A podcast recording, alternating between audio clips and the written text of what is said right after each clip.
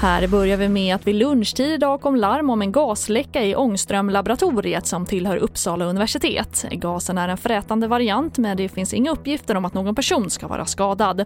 Fredrik Blomqvist, säkerhetschef vid Uppsala universitet. Vi har eh, utrymt eh, hus 4 eh, utifrån en gasläcka som inträffade på eh, första källarplanet i fastigheten. Eh, Räddningstjänsten är som sagt på plats eh, och eh, kemdyker nu för att identifiera den gasflaska som har läckt.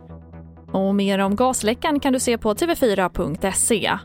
Och var tredje arbetstagare säger sig ha hälsoproblem kopplat till jobbet. Totalt handlar det om 1,6 miljoner svenskar enligt en undersökning som Arbetsmiljöverket gjort och som SVT rapporterar om.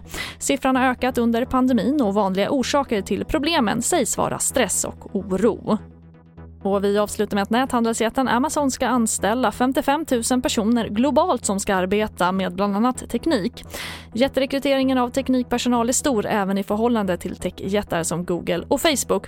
Och Amazons nya vd Andy Jassy har sagt i en intervju med Reuters att Amazon behöver mer bränsle för att möta efterfrågan i försäljningen, bland annat för molntjänster och för annonsering. Och det får avsluta TV4-nyheterna. Jag heter Charlotte Hemgren.